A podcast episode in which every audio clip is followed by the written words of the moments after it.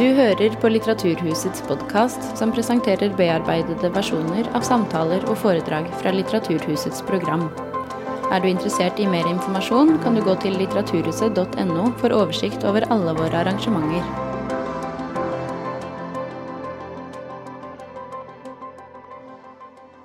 Kjære alle sammen. Velkommen til Litteraturhuset og til dagens foredrag. Jeg heter Daniel Røkholt, og jeg jobber med programmet her på Litteraturhuset. Arrangementsserien Forbudte bøker har hittil gitt oss fire foredrag om sensurens historiske og samtidige virkninger, samt en antologi med nyskrevne tekster om ytringsfrihetens kår. I dag vender vi blikket mot en type fortellerkunst som har et helt spesielt forhold til sensur, nemlig den grafiske fortellerkunsten. Tegneserier, karikatur og illustrasjon. Grafisk fortellerkunst har en lang og innviklet sensurhistorie, også i norsk kontekst, og alle til stede her i dag kan nok komme på flere eksempler fra nyere tid. Samtidig er tegneserien en kunstform som stadig faller utenfor de fleste institusjoners definisjoner på stor eller viktig kunst, og grafikernes kår er følgelig mye snakket om som dårlige. Men som vi snart skal høre mer om, står grafikerne ofte i sentrum av noen av vår tids viktigste sensur- og moraldebatter. Til å snakke om nettopp de grafiske kunstformenes lange og innviklede forhold til sensur, vi forfatter og kritiker og journalist i Aftenposten, Erle Marie Sørheim. Boka hennes, 'Karikaturens historie fra hullemalerier til Charlie Hebdo', gir på glimrende vis et overblikk av karikaturenes tilbøyelighet til å provosere, og de følger det har fått, og høstet mange gode anmeldelser da den kom i 2021. I det siste har hun jobbet med en ny bok, nemlig om sensurens historie, noe som må sies å være et lykketreff i denne sammenhengen. Ta godt imot Erle Marie Sørheim.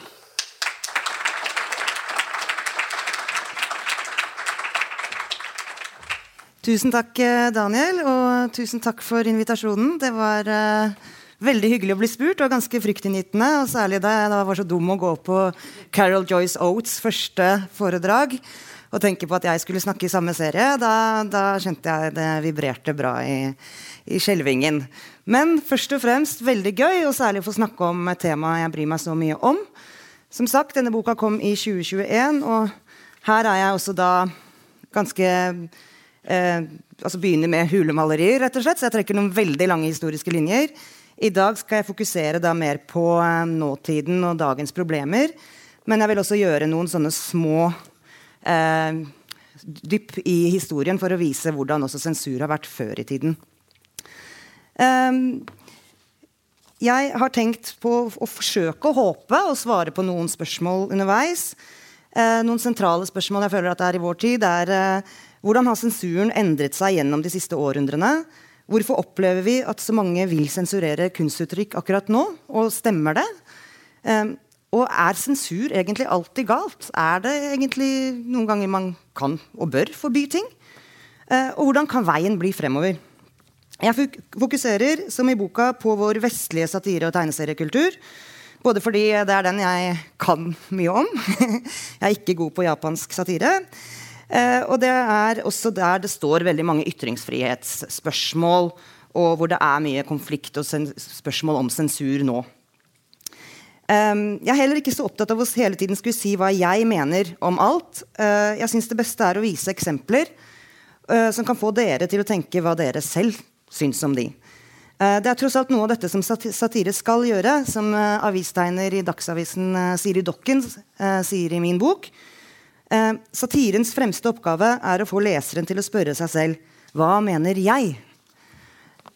Det er på en måte det som særlig Siri snakker mye om. At eh, en tegning skal få deg at noe skal på en måte begynne å bevege seg litt opp i våre hoder, sånn at man ser en sak fra litt andre ståsteder. Eh, som Daniel også var litt inne på, så er det jo også da eh, en type måte tegneserier er blitt sensurert på, som man ikke kanskje tenker så godt over det er rett og slett dette at denne outsider-holdningen eller outsider-posisjonen til tegneserier som gjør at norske forlag f.eks. For eh, har veldig lite eh, eh, ikke har noen avdelinger for voksne tegneserier. Og det gjør at fram til nå så er også voksne tegneserier de settes på barn og unge. For det er der man har noe visuell kompetanse i, eh, i forlagene. Så denne outsider-posisjonen gjør også at tegneserier på en måte ikke får en sånn like lett tilgang inn i mainstream eh, kulturoffentlighet som det litteraturen, den høye litteraturen får. Eh, og det er da altså, altså mange måter å sensurere på. Eh, jeg syns Joel Pett, en amerikansk eh, satiretegner, hadde her en god eh, Uh, her viser han tre versjoner, men vi skal se at det fins også veldig mange andre måter å sensurere på. How to silence cartoonists. A guide for the powerful, cowardly and humorless. Og Da ser man altså Al Qaeda Method, Barbaric and Messy, som da er Charlie Hebdos attentatet på Charlie Hebdo-redaksjonen.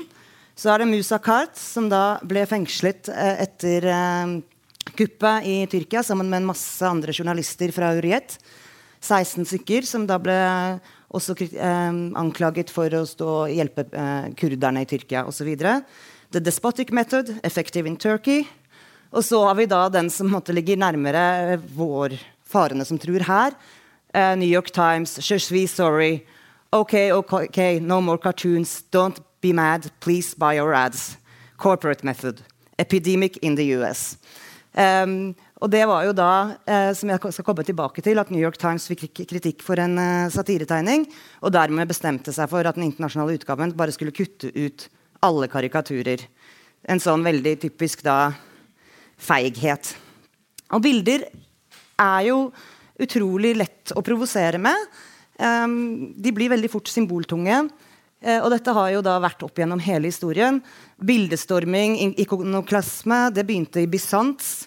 Eh, den gang i eh, Istanbul og i kirker der. Men her ser vi jo da også da det fikk et veldig oppsving igjen eh, da protestantismen og kalvinismen kom på 1500-tallet. Så dette er et litografi fra at kalvinister driver og herper og tar bort uh, ikoner fra en kirke i Antwerpen, vår, vår Frues kirke i Antwerpen. Um, dette er åpenbart noe sånn mennes veldig menneskelig over dette. da. Dette, dette liker vi å gjøre. Eh, bilder provoserer, eh, og da er det best å bare få dem bort. Det er noe sånn der, ute av øye, ute av sinn-mentalitet eh, som eh, åpenbart er veldig lett for oss å føle. Eh, så denne tradisjonen den har vi da 500 år etterpå. Akkurat samme eh, i Afghanistan da, i 2001, hvor de jo da sprengte opp disse buddha-statuene fra 500-tallet helt tragisk og barbarisk, men samtidig da eh, springer ut av denne samme ideen om at noen bilder på noe man selv ikke eh, liker, de må bort. De kan ikke respekteres. Eh, og da, Siden satire jo handler veldig mye om å kritisere makta, så er det også denne eh, religionskritikken har vært med på, i satiren helt fra starten av. Eh, det, også for reformasjonstiden så er jo da Eh, dette er litt dårlig trykk, eh, eller den er litt uklar. Men dette er da eh, Martin Luthers propaganda mot pavestaten. Og det heter så flott Skal vi se det, det, er Lukas Kranak den eldre. Og det er fra 'Against the Papacy at Rome', founded by the Devil, fra 1545. Og Martin Luthers eh, poeng var jo at paven var jo ukristelig og var egentlig djevelmakt. Og Her ser vi da fire furier eh, som her eh, pleier paven. Det er hekser. Og hun ene hun bæsjer ut uh, geistlige uh, vatikanfolk, som da var het kirkestaten for øvrig, fra rumpa osv. Det er plumpt, det vil jeg absolutt kalle det. Uh, og, men det er, det er, veldig religionskritisk, da. Men samtidig så satt jo da Martin Luther og Kranach den eldre i Tyskland. Og gjorde dette uten særlig fare for egne liv. Eh, fordi de tyske fyrstene beskyttet dem. Eh, de kunne jo ikke gjort dette i Italia. Så dette er på en måte da, Men er det satire? det er vel mer liksom sånn forsøk på å bare sverte noen veldig, veldig. Men da, hvis det kommer til dette, som kanskje anses som uh, den første satiretegningen vi kjenner om, til, den er da eh, tegnet av eh, Skal vi se ja, Det var på begge sider. Takk. av Gian Lorenzi Bernini, som var uh, hoffarkitekt i Vatikanet, som da het kirkestaten, i Roma. Eh, han har lagd masse, han har tegnet St. Markusplassen osv. Uh, men hvorfor mener man mange kunsthistorikere at dette er den første satiretegningen? Jo, fordi her eh, Denne ble tegnet eh, når pave Innocens den 11. kom til makta. Og dette er paven. Eh, og da, hvordan ser paven ut? Ynkelig. Ser, ser ut som han ligger på sånn sotteseng, er syk. Pavekutta holder på å falle av eh, hodet, og han har sånne reptilfingre, nærmest. Det er ganske tydelig at Bernini ikke syns dette er et paveemne han uh, støtter. Det virker det ikke som. Så da kan man liksom si at okay, den, uh, den, sparker oppover, den sparker mot makt, og den er kritisk til noen som har mye makt. Men det man ser også her, er jo at er, dette har han tegna i en skissebok, og så ble den funnet i Dresden flere hundre år etterpå. Så dette er ikke noe han har vist rundt i Roma. Eh, antageligvis også fordi han har visst at dette kunne koste han jobben. Som bare det. Eh, så, så, derfor så tenker man sånn at ok, religion var veldig tidlig ute som et stridsspørsmål i satiren pga. makten. Eh, og nå, nå, så ofte som jeg har jobba med eh, den boka her, så blir man jo veldig sånn deprimert på eh, karikaturens og satirens vegne, gjerne, når man ser hvordan liksom, mye aksept går tilbake i dag. Men da ble jeg også litt sånn uh, glad nesten for å uh, lese om hvor uh, dårlig det var for satiretegnere før i tiden nå. og da har man jo et sånt historisk eksempel fra 1830-tallets Paris og Frankrike, hvor det var en stor en, en, masse karikaturblader. Det var en veldig gullperiode for karikaturene. de hadde egne blader her fra La Caricature. Og så Etter julierevolusjonen i 1830 så kom det en ny pave til makten, kong Carl Philip. Og han hadde lovet mer pressefrihet. Allerede den gang var det krav om pressefrihet osv. Eh, men som så mange, eh, det var valgflesk. Han, eh, han, gikk tilbake på disse lovnadene om større pressefrihet. Og dermed så tegnet da i La Karikatur så tegnet de eh, denne tegningen hvor da kongen er litt sånn forkledd som en murer, mens han driver og pusser bort slagordene fra revolusjonen, sine egne lovnader. da, På veldig sånn diskré måte. Men vi ser jo da at under murerdrakta så har han sånn kongsdrakt. Eh, eh, så det var veldig eh, dårlig skjult. Det var jo ikke meninga å skjule det heller. Og da ble kongen selvfølgelig skikkelig forbanna. Og hva gjorde, da, gjorde man i Frankrike på den tiden? Jo, man tok dem til retten. Gikk til sak. Eh, og da var jo da denne La Karikatur hadde en veldig oppfinnsom og kreativ redaktør som het Philippon. Og han visste da å gjøre en sånn rettssak også til en scene. Så i rettssaken, rettssalen, så eh, begynner han, ber han om å få ark og eh, noe å tegne med. Og så begynner han å tegne et veldig realistisk portrett av eh, kongen. Og så sa han sånn Ja, dere ser at dette er kongen? Alle er enig i det? Og så ja. Og så begynner han å tegne litt mer sånn Litt mer opp mot stilk, det krøllete håret. Ja, da er dere enige at dette også er kongen? Ja. Og så blir det enda mer abstrahert, enda mer mot en slags pæreform. Så ja, dette er også kongen. Dere er enige i det? Og så ja. Og så tegner han den siste, som da er helt pæreform. Så sier han ja, Hvis dere er enig i at den, de andre var kongen, så må dere også være enig i at denne pæra er kongen. Og da kan vi jo ikke tegne noen ting, da. Og det eh, var Den satt! Men han ble dømt. Eh, og det var da også Karikatur og Charivari, de to bladene i, eh, i Paris på denne tiden. De uh, satt i fengsel, de fikk store bøter osv. Og, så og denne tegningen er da uh, laget uh, i ettertid står det 'Le Poir', pærene, selges for å betale 6000 franc uh, i, uh, i, bot til Charivari, den karikaturbladet. Og i tillegg så måtte Philippon i fengsel. Så det var harde bud eh, før også. Eh, definitivt. Det er heldigvis veldig få eh, avistegnere i vår i vår vestlige verden behøver ikke være redd for å komme i fengsel, i hvert fall, selv om det er andre verre ting de kan være redd for. Um, kan, ja. Jo, og så er det jo dette da med at det er så fort gjort.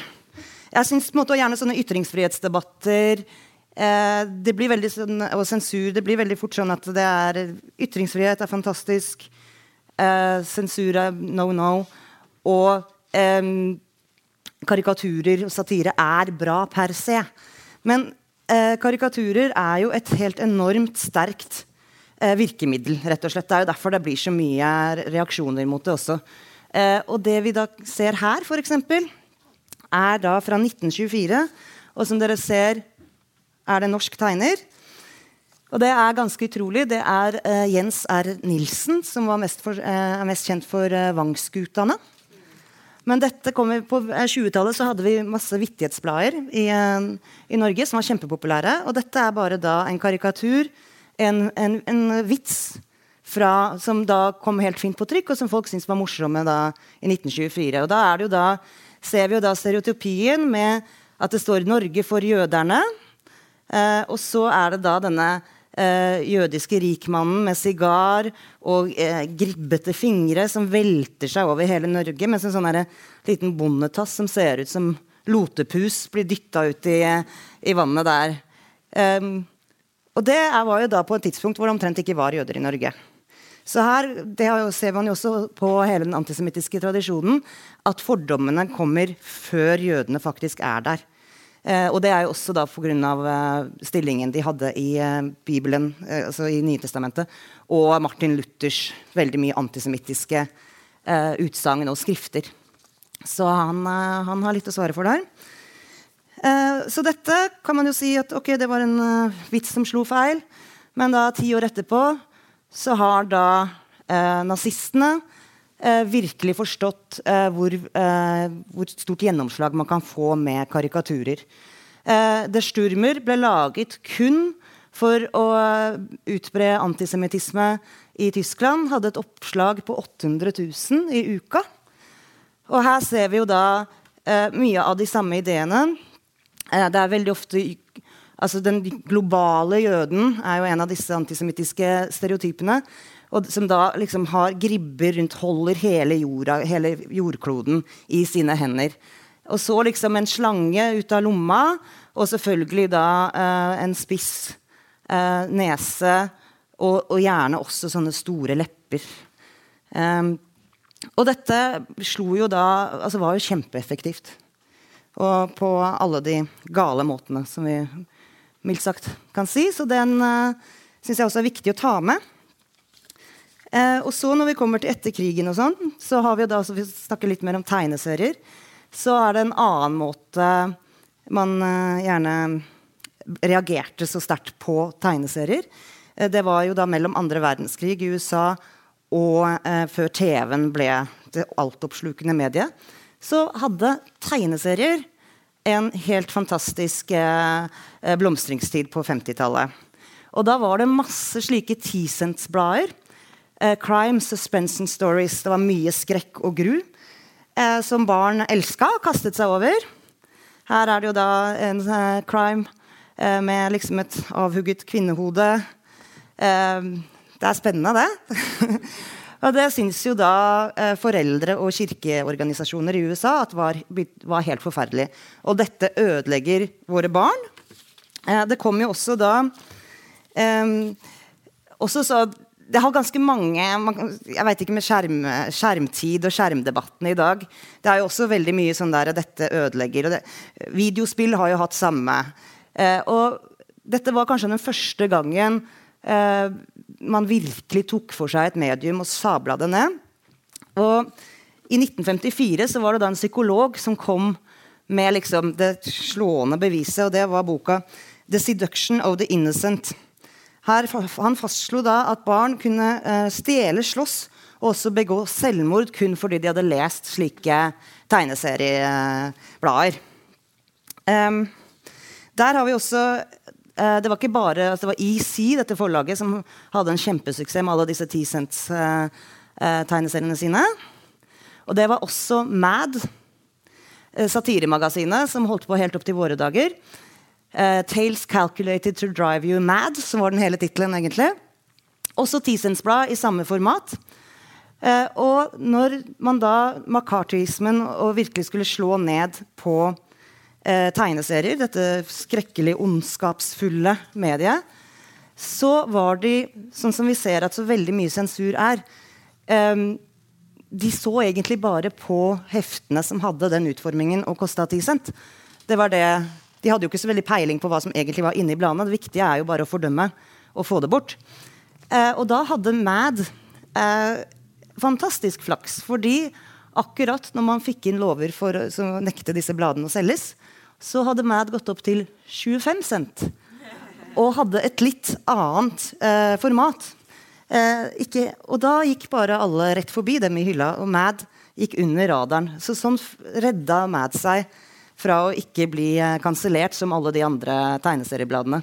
Og kunne da fortsette med sin gullperiode som eh, den største satire Eh, i USA, i hvert fall i blad og i tegnet form. Um, en annen type sensur som også kommer veldig fort, og som jeg tror er noe av det viktigste og på en måte mest problematiske nå i våre dager, det er jo selvsensur. Som kommer fordi du vet at hvis du ikke sensurerer deg selv, så vil det komme reaksjoner. Og det var det som skjedde med uh, den uh, amerikanske uh, det amerikanske tegneseriemarkedet også. De valgte å selvsensurere seg selv, sånn at de ikke fikk et sånt makartisk stopp. Dere har ikke lov til å utgi noen ting. Derfor så satte de i gang i 1954 Comics Code Authority. Som da, som, hvor de lagde regler som gjorde at disse skrekkmagasinene ble forbudt i seg selv. Eh, og, og, det var sånne regler som at man kunne ikke gjøre narr av en politimann eller offentlige tjenestepersoner. eller sånne ting. Som egentlig er akkurat det man skal i tegneserier og i satire. Så bransjen selvsensurerte seg selv og gjorde da at tegneseriene ble dårligere på mange måter. Fordi eh, man heller gjorde det enn å miste alt. Um, og det skal vi på en måte se seinere også, at noe som skjer igjen og igjen. Og vi snakker veldig mye nå i dag, og det tror jeg kommer til å komme litt mer i um, hun eh, som er eh, ekspert på barne- og ungdomslitteratur, som også skal holde foredrag i denne serien. Men denne bølgen av bekymrede mødre og kristne organisasjoner og sånt, som ville sensurere på 50-tallet, den har jo egentlig aldri vært blitt borte fra USA. Og nå er vi inne i en ny bølge med at det kreves veldig mye sensur av visuelle, grafiske romaner og tegneserier i USA. American eh, Library Association har en oversikt. Eh, og dette var da eh, 'Attempts to restrict access to books in 2022'. Um, og så kan man jo da se her hvem som skiller seg sånn litt ut. Texas-staten eh, er da det stedet hvor det per def er absolutt mest klager på bøker. Eh, og eh, ALA, som denne eh, biblioteksorganisasjonen kaller seg, eh, de registrerte 1269 krav om sensur av bøker i 2022. Det, det er det høyeste nummeret, eh, tallet, siden de har holdt på dette, denne oversikten, som er 20 år. Så det har skjedd en kjempeutvikling der på at folk klager inn eh, bøker de syns er upassende for da gjerne Uh, gjerne er det skolebibliotek, men også vanlig bibliotek. Hva som skal være i barneavdelingen osv. Og, og hvorfor har det økt så veldig nå? Det man ser, er jo at uh, nettet gjør at det blir mulig å la, lage sånne kampanjer. Og harme, sinne og irritasjon er noe av det som funker best på nett. Og det å da på en måte samles, gjerne helst om en bok man absolutt ikke har lest, det trenger man ikke. Det er bare å se på coveret eller se at det er LGHBT pluss. Um, uh, tematikk, så er det jo da selvfølgelig dette, dette må barna våre uh, beskyttes for. Og derfor så er det jo da tegneserier igjen som kommer på førsteplass av uh, bok ønsket forbudt i USA. og det er da selvfølgelig Genderqueer, en, en tegneserieroman som har eh, transtematikk. Ikke populært hos mange eh, konservative i USA, av Maya Kobabe. Den har da eh, ja, den har fått 151 klager eh, på førsteplass der. Den neste på lista fikk 86.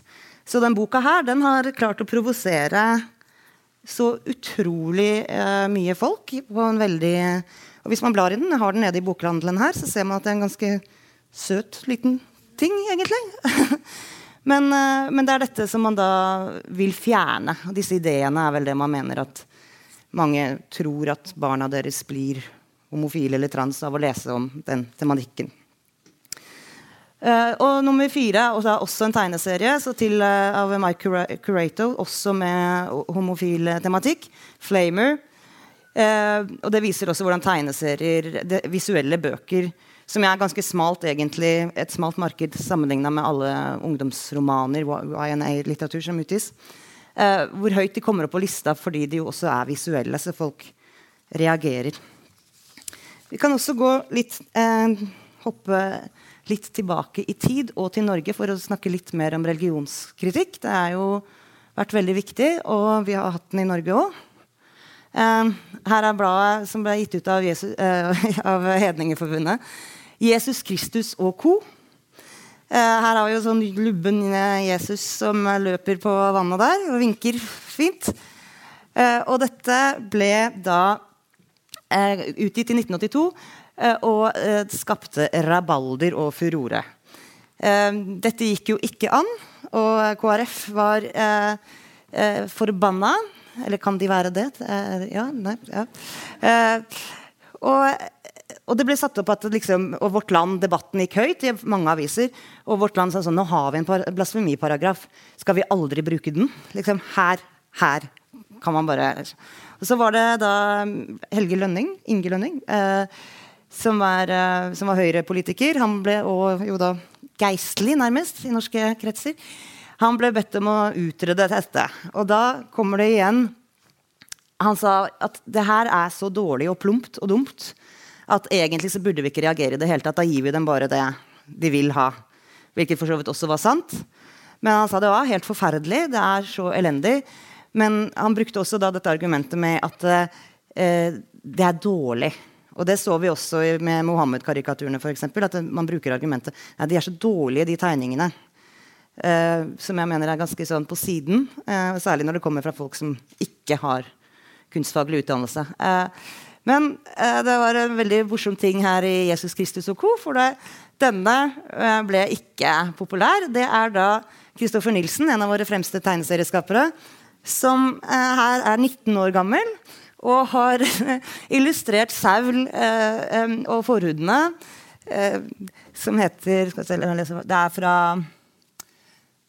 Det er jo fra Det er en sann bibelhistorie, selvfølgelig. Hva den heter.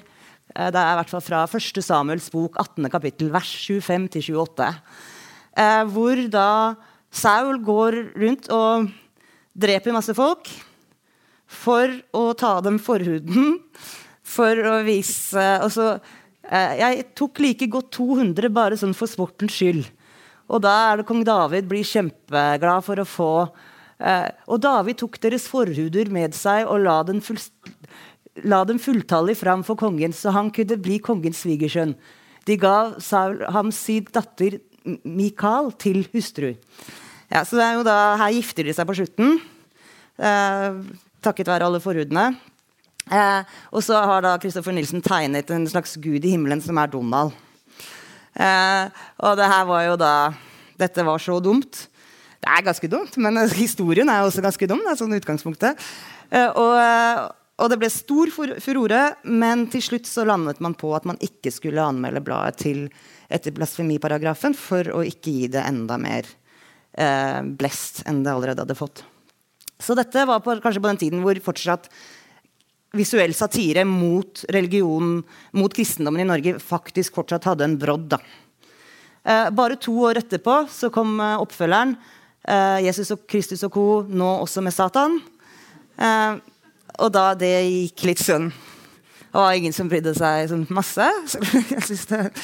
Og så måtte jeg bare ta med også, for da 1991 så kommer nummer tre. Og her er det jo da eh, Jesus på forsida igjen.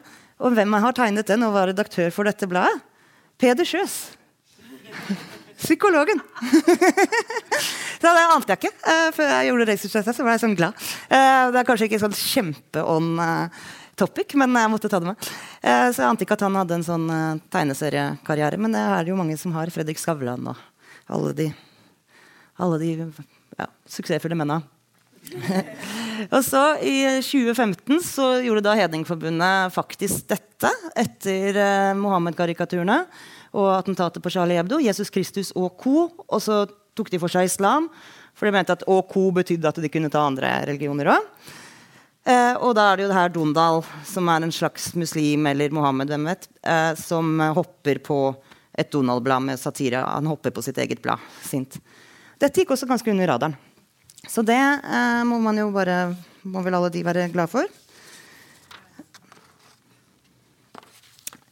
Og så eh, er det jo da Ti år før dette så har man jo da det, det store stygge ulven, eller hva skal man si, det man ikke snakker om uh, i uh, satire i sensurdebatten. Og det er jo da uh, Dette er faksimile av Jyllandsposten i september 2005, da Flemming Rose, som jeg også intervjua til boka mi, hadde ba danske avistegnere om å tegne Mohammed sånn som de så han for seg.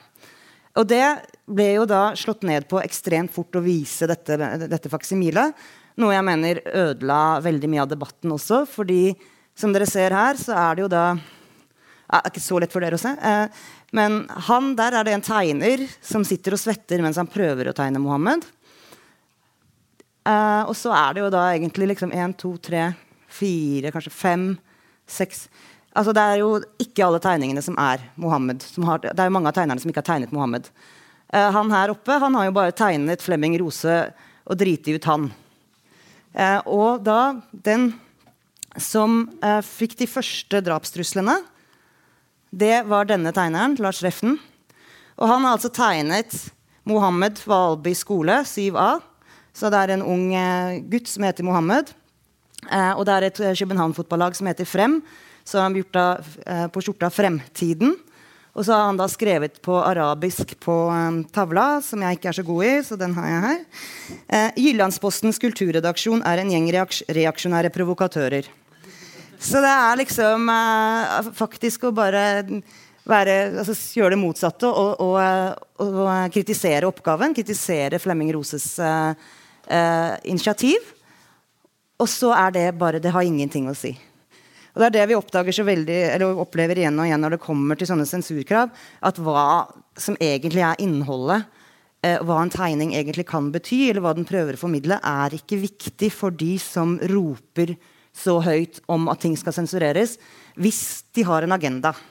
Og det så man jo eh, i uh, Mohammed-karikatursaken, at der var det flere autoritære land som brukte det som en ren agenda for å få folk til å bli sinte på andre ting enn deres egne elendige styrer. Sånn som i Syria, f.eks. Det er en bok som er veldig bra om dette, av en danske arabisk eh, professor, Jytte Clausen, som, kom, som, gikk etter og har fått intervjuet veldig mange. Som forklarer eh, hvordan dette egentlig skjedde. For da, der og da så trodde man jo på en måte at det bare plutselig hadde folk bare kom sammen på gata og ble sinte.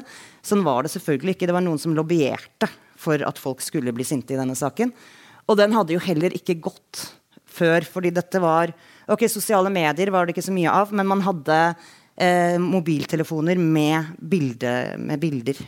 Eh, og det gjorde også da at ting eh, kunne spre seg mye raskere. Eh, så det, vi har mye å takke sosiale medier for. Eh, Charlie Hebdo kasta seg jo på med en gang eh, for å da Altså, Hebdo har jo vært et uh, motkulturelt uh, tegneserie, satiretidsskrift, helt siden 60-tallet, og er jo veldig i den um, ånden med at uh, det meste skal være absolutt lov, og man må kødde, kunne kødde med alt. Så de trykket jo karikaturene her i dette bladet, spesialnummer. Der står det 'Mohammed er kapret av ekstremistene'.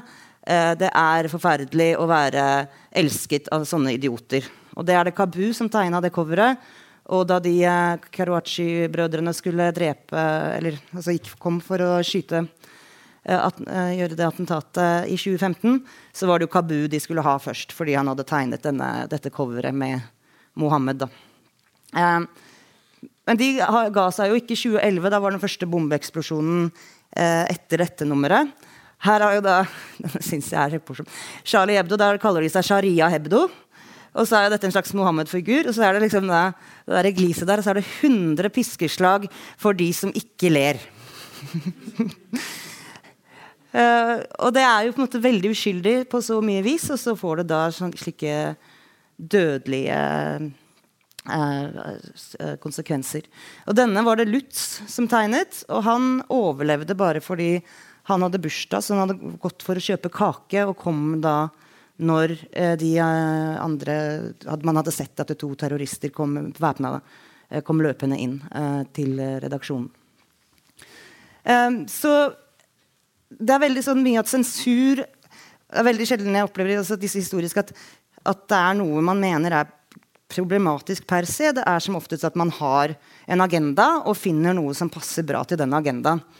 Eh, de eh, muslimske landene, Syria og Egypt, og sånt, som eh, fordømte Danmark, eh, og de som også med koranbrenningen nå, eh, de fordømmer det. og sånn, Men eh, hvis du tar en, titt på eh, aviser i Midtøsten, så er de antisemittiske karikaturene enormt mye. her ser vi jo da altså Man har Kutten, davidsstjerne i panna. Er, de bruker ofte blekksprut som Takk, Sara. Eh, som eh, altså Blekkspruter altså Også dette ideen med at eh, jøden er overalt. Litt sånn som det holder rundt jordkloden. Eh, og da en sånn eh, jødenese, som det er forferdelig å kalle det, men altså sånn i antisemittisk kunst. Eh, dette slås jo selvfølgelig ikke noe ned på. Dette er fra en avis i Qatar, og det er utallige eksempler. Så hele den reaksjonen der oppleves jo også som ganske dobbeltmoralsk. Det er, én en side som ikke skal få lov til å være satire, mens eh, å, å, bruke antisemittiske virkemidler er null problem. Det er det derimot i Vesten. Og som jeg snakket om i starten, The New York Times, International Edition, eh, de satte denne tegningen på trykk. Og det, i Vesten så skapte det enorme eh, reaksjoner. Eller i hvert fall på sosiale medier. Hvem vet hvor mange som egentlig brydde seg. Um, og den er jo ikke i nærheten av uh, den forrige antisemittiske karikaturen. eller de andre. Og det var en po um, portugisisk tegner som absolutt mente at han ikke hadde tenkt det sånn. Men det at uh, man signaliserer at Trump er blind og blir ledet av Ariel Netanyahu, Netanyahu det var for mye uh, i USA. da. Det, var, det anså man som antisemittisk.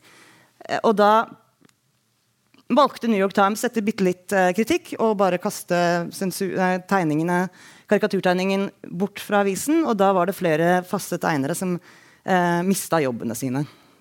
Det må man jo si er en ganske sånn feig måte å reagere på kritikk på, men også noe som man merker at det er veldig populært i Vesten fordi man ikke vil komme på kant med noen. Og slik, Det er jo veldig vanskelig med eh, satire, for det er jo per se egentlig å komme på kant med ting. Eh, og Derfor er den også så truet i dag, i og med at uh, ingen Man vil ikke irritere, man vil ikke uh, provosere. En annen tegning som også fikk et helvetes fokus, var denne. fra en nei, australsk tegner som, fra 2019. Mark Knight i Herald Sun. Og den viser jo da Serena Williams og Naomi Osaka som slo Serena Williams, og hun ble veldig forbanna, som dere ser av tegningen. Og han, dommeren sier can you, just, can, can you just let her win? Og her var det veldig mange som reagerte på at de mente Serena Williams var eh, tegnet med rasistiske, stereotypiske eh, trekk. Og også her er det en smokk. Altså hun er anses som barnslig og sinna. Da. Og det, eh, igjen, Mark Knight, tegneren, mente absolutt ikke at det var sånn. Han ville bare gjøre narr av eh, at hun hadde blitt så sinna. Uh, men selvfølgelig, folk uh, gikk bananas. Og jeg, når jeg snakka med Siri Dokken, så var denne også veldig ny. Og hun mente også sånn at ja, kanskje burde jeg ikke hatt så store lepper. Eller, men hun mente også sånn at uh, alle tegnere som driver med satire, kommer inn en gang iblant til å på en måte feile litt. og alle tegnere er også derfor så redde for hva de kons uforutsette konsekvensene kan bli. Eh, men Siri Dokkens eh, poeng var også at eh, derfor må også vi tegnere kjenne historien så utrolig godt. Og kjenne virkemidlene. Kjenne de rasistiske stereotypene som har blitt brukt eh, opp gjennom eh, århundrer. For å klare å unngå det. Da. For så var det også mange tegnere, eh, politiske tegnere som ble nervøse når Obama ble president. Fordi Oi, shit. Er det én man skal drite ut, så er det den amerikanske presidenten. Eh, men da, når han er svart, da er det liksom sånn Å nei, å nei, nei. Her kan vi Så det er nå et mye større problem enn før også, fordi tegninger nå brer seg så utrolig fort på nett. Eh, og en tegning som er i Norge, er i Midtøsten den neste dagen. Eller i Israel, f.eks. Um, Finn Graff, den er også fra 2018. Da reagerte jo den israelske ambassaden her og Israel veldig sterkt. Men Dagbladet sto ved Finn Graff. Eh, jeg bor jo eh, de siste 16 åra mye av tiden i Tyskland. Og den hadde jo aldri kommet på trykk i Tyskland. Eh, og i Tyskland så anses det å på en måte sammenligne noe som helst israelsk med nazismen som noe av det mest verste antisemittiske man kan gjøre. Og her gjør jo da Graff det, som var det, med å lage Netanyahu som et hakekors. Altså, er, sånn, grafisk så syns jeg den er helt fantastisk. Innholdsmessig så syns jeg også den er litt problematisk pga. det. Uh, mens uh, i Norge hadde, ser man den annerledes enn i Tyskland. Så måte, sensur er også så mye kulturelt betinga på den måten. Uh, denne sto Dagbladet for. denne sensurerte Aftenposten bort under pandemien. Det var kanskje også litt fordi de, de hadde um, kalt coina begrepet innvandrersmitte på forsida si eh, rett før. Det var jo kanskje ikke et stort sjakktrekk. Og her er det Marvin Halleraker. Det var til en artikkel om at innvandrerne hadde større smitte. Så er det jo da også grafisk en veldig tilfredsstillende idé. Tenke, altså da, en som er nesten helt heldekket, men har ansiktet åpent, og en som bare har eh, masken på. Eh, og Marvin hadde jo heller ikke tenkt på den som det eh, det er ofte, ofte, du jobber under tidspress med disse tegningene og kommer på noe som slår visuelt. Så er det kanskje ikke sånn at man tenker på hvordan, hvilke opptøyer det vil gjøre. Da. Eh, men Kjetil Astaheim i Aftenposten valgte å skrive om hvorfor de hadde stoppa denne karikaturen. Og da trykke den. og det sa Marvin at det blei jo litt dumt, da. Fordi eh, da sto den jo ikke engang til teksten den skulle illustrere. Eh, og da ble den jo enda mer sånn tatt ut av kontekst. Så der tror jeg ikke de var helt enige på noe som helst vis. Um, skal vi se, ta bort den, tror jeg. Fordi, apropos dette med kulturell kontekst. Frankrike er et spesielt land.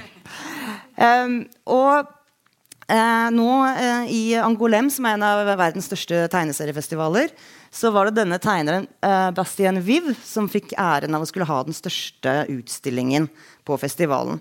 Og da Før jul i fjor så begynte det å komme protester, fordi han har da uh, uh, ja, kommet med veldig mange rare uttalelser om pedofili og sånne ting.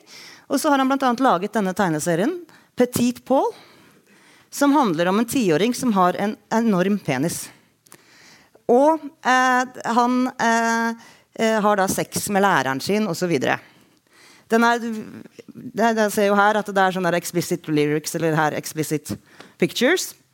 Eh, og den var liksom skulle bare selges til eldre. Eh, men jeg så litt på den. Jeg, bare, jeg skjønner ingenting. Sånn, hva i helvete, liksom. Eh, og det er veldig fransk å tenke at dette på en måte er noe innafor noe som helst. Eh, men ganske mange nå av den yngre generasjonen franskmenn som ikke syns det er noe morsomt heller. Så det var jo en, da en uh, Som det alltid er nå i våre dager. Man uh, har sånn, opp, et opprop på nett, og så signerer folk og reagerer.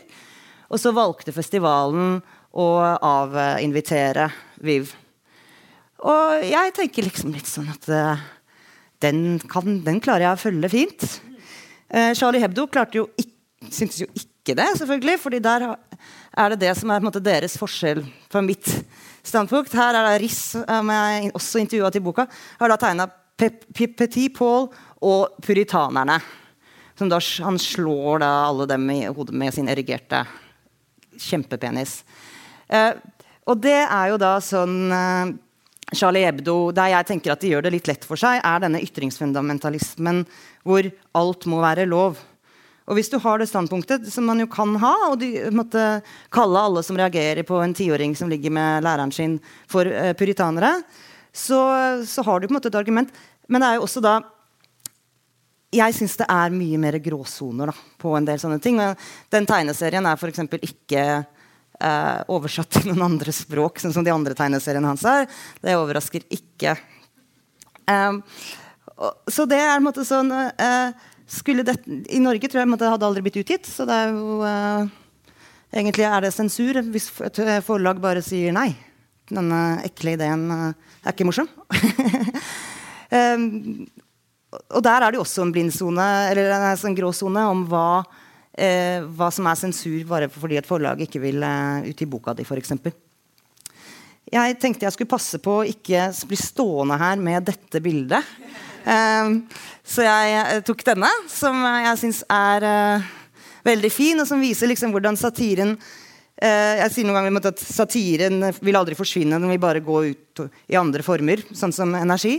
Fordi det er så menneskelig og så grunnleggende for oss å, å tulle med makt og tulle med symboler på sånne måter. Og det som har skjedd nå med nettet, det er mye dårlig, mye som har gjort det vanskeligere å være satiretegner. Men da også memene, eller memes, eh, som eh, eh har på en måte fått sin fått en sånn nisje innenfor satire nå. Absolutt. Sånn som da denne, denne, nydelige lille hunden som sitter i et brennende rom og drikker kaffe og sier 'this is fine'. Um, og der har man da en måte man kan se at satiren lever videre på nett på. Um,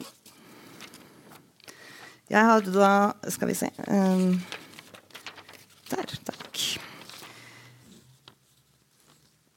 Jeg tenker da litt på hva, eh, hva man kan gjøre nå fremover, hvor vi da ser mye pga. nettet at eh, aksjoner mot enkelttegnere og tegninger eh, får så mye gjennomslag. Noe av det enkleste jeg, syns jeg drømmer om at uh, mediene kunne bestemme seg for, er bare å ikke gi eh, oppmerksomhet til tre folk som er forbanna på Twitter. Det er sånn derre eh, Twitter-storm. Så ser man, så er det, altså, det er verdens slappeste journalistikk. Det er bare noen som går sånn, scrollet nedover på Twitter-feeden sin. Så ser han er sint, han er sint, han er sint. Så tar de bare liksom, bilder av det, og så oversetter de det eventuelt til norsk. Og så er det liksom Se, folk reagerer. Og dette gjør jo at man opplever at folk er mye mer sinna, at mange flere reagerer mye mer enn det allmennheten egentlig gjør. Um, så det syns jeg er en måte det, altså at uh, journalistikken nå legitimerer folk som er sinna, veldig mye. Og gir dem en mye større mikrofon enn de uh, trenger eller fortjener. Bort med uh, uttrykket 'Twitter-storm'. Men det gjør jo Musk også sitt til for. Um, samtidig så tenker jeg nå at vi må ha stater og organisasjoner som aktivt støtter tegnere og verkene deres. Man må, man må, igjen og igjen lære folk opp til å skjønne hva satire er, og hvordan satire fungerer. Uh, der mener jeg også at man burde ha noen statlige uh, organisasjoner eller noe som fremmer satire og slike virkemidler. fordi ellers så er det nå uh, oppvoksende generasjoner som ikke skjønner det, som ikke er vant til å se aviser, som ikke er vant til å se avistegningene. og på nettet blir de da veldig ofte sånn ute av kontekst. Um, men det er også da ting som er um, altså da, Eller først et annet uh, problem, eller altså utfordring nå, da, er jo at vi har så mye mindre enhetssamfunn enn før. Og satiren går jo på at det gjenkjennelige Man må jobbe med de gjenkjennelige symbolene, sånn at folk skjønner å ja, det står for det, og det står for det. Eh, og så trekker noe nytt ut av det. Men nå når vi har så pluralistiske samfunn, og ikke alle sitter og har på en måte samme Eh, referansebakgrunn, så er det også mye vanskeligere å skape satire som funker for mange. Eh, men noe av det positive er jo, for, som man ser nå med framveksten av kunstig intelligens, som jo eh, skremmer veldig mange, og også særlig illustratører og sånn. Men der ser man jo også satirens eh, eh, forse. At det er veldig veldig vanskelig for en robot å klare å lage slående satire. Den kan fint lage en harmonisk liten skog eller eh, Eh, noen som sitter, eller Den kan jo ikke fint lage det nå, men jeg tenker meg at det, det klarer den om et par år. Men det å på en måte, om en datamaskin skal finne på en satiretegning som funker, det tror jeg vil være veldig mye flaks. Og sikkert litt så like vanskelig for den som om den skulle finne på en vits. Hvilket jeg også tror blir vanskelig. Eller den, gangen, den første gangen det kommer en vits fra KI som funker, da tror jeg kanskje jeg blir ordentlig redd. Ja. Eh, så ja, vi trenger satiren. Eh, den skal utfordre oss, og ikke minst makta. Og den tar tempen på tiden som lite annet. Derfor kan, virke, derfor kan satiren også virke gal og feil mange tiår senere. Men de beste verkene fungerer fortsatt mange hundre år etter sin samtid. Og det sier mye om kunstformen. Takk for meg, og takk til at dere kom.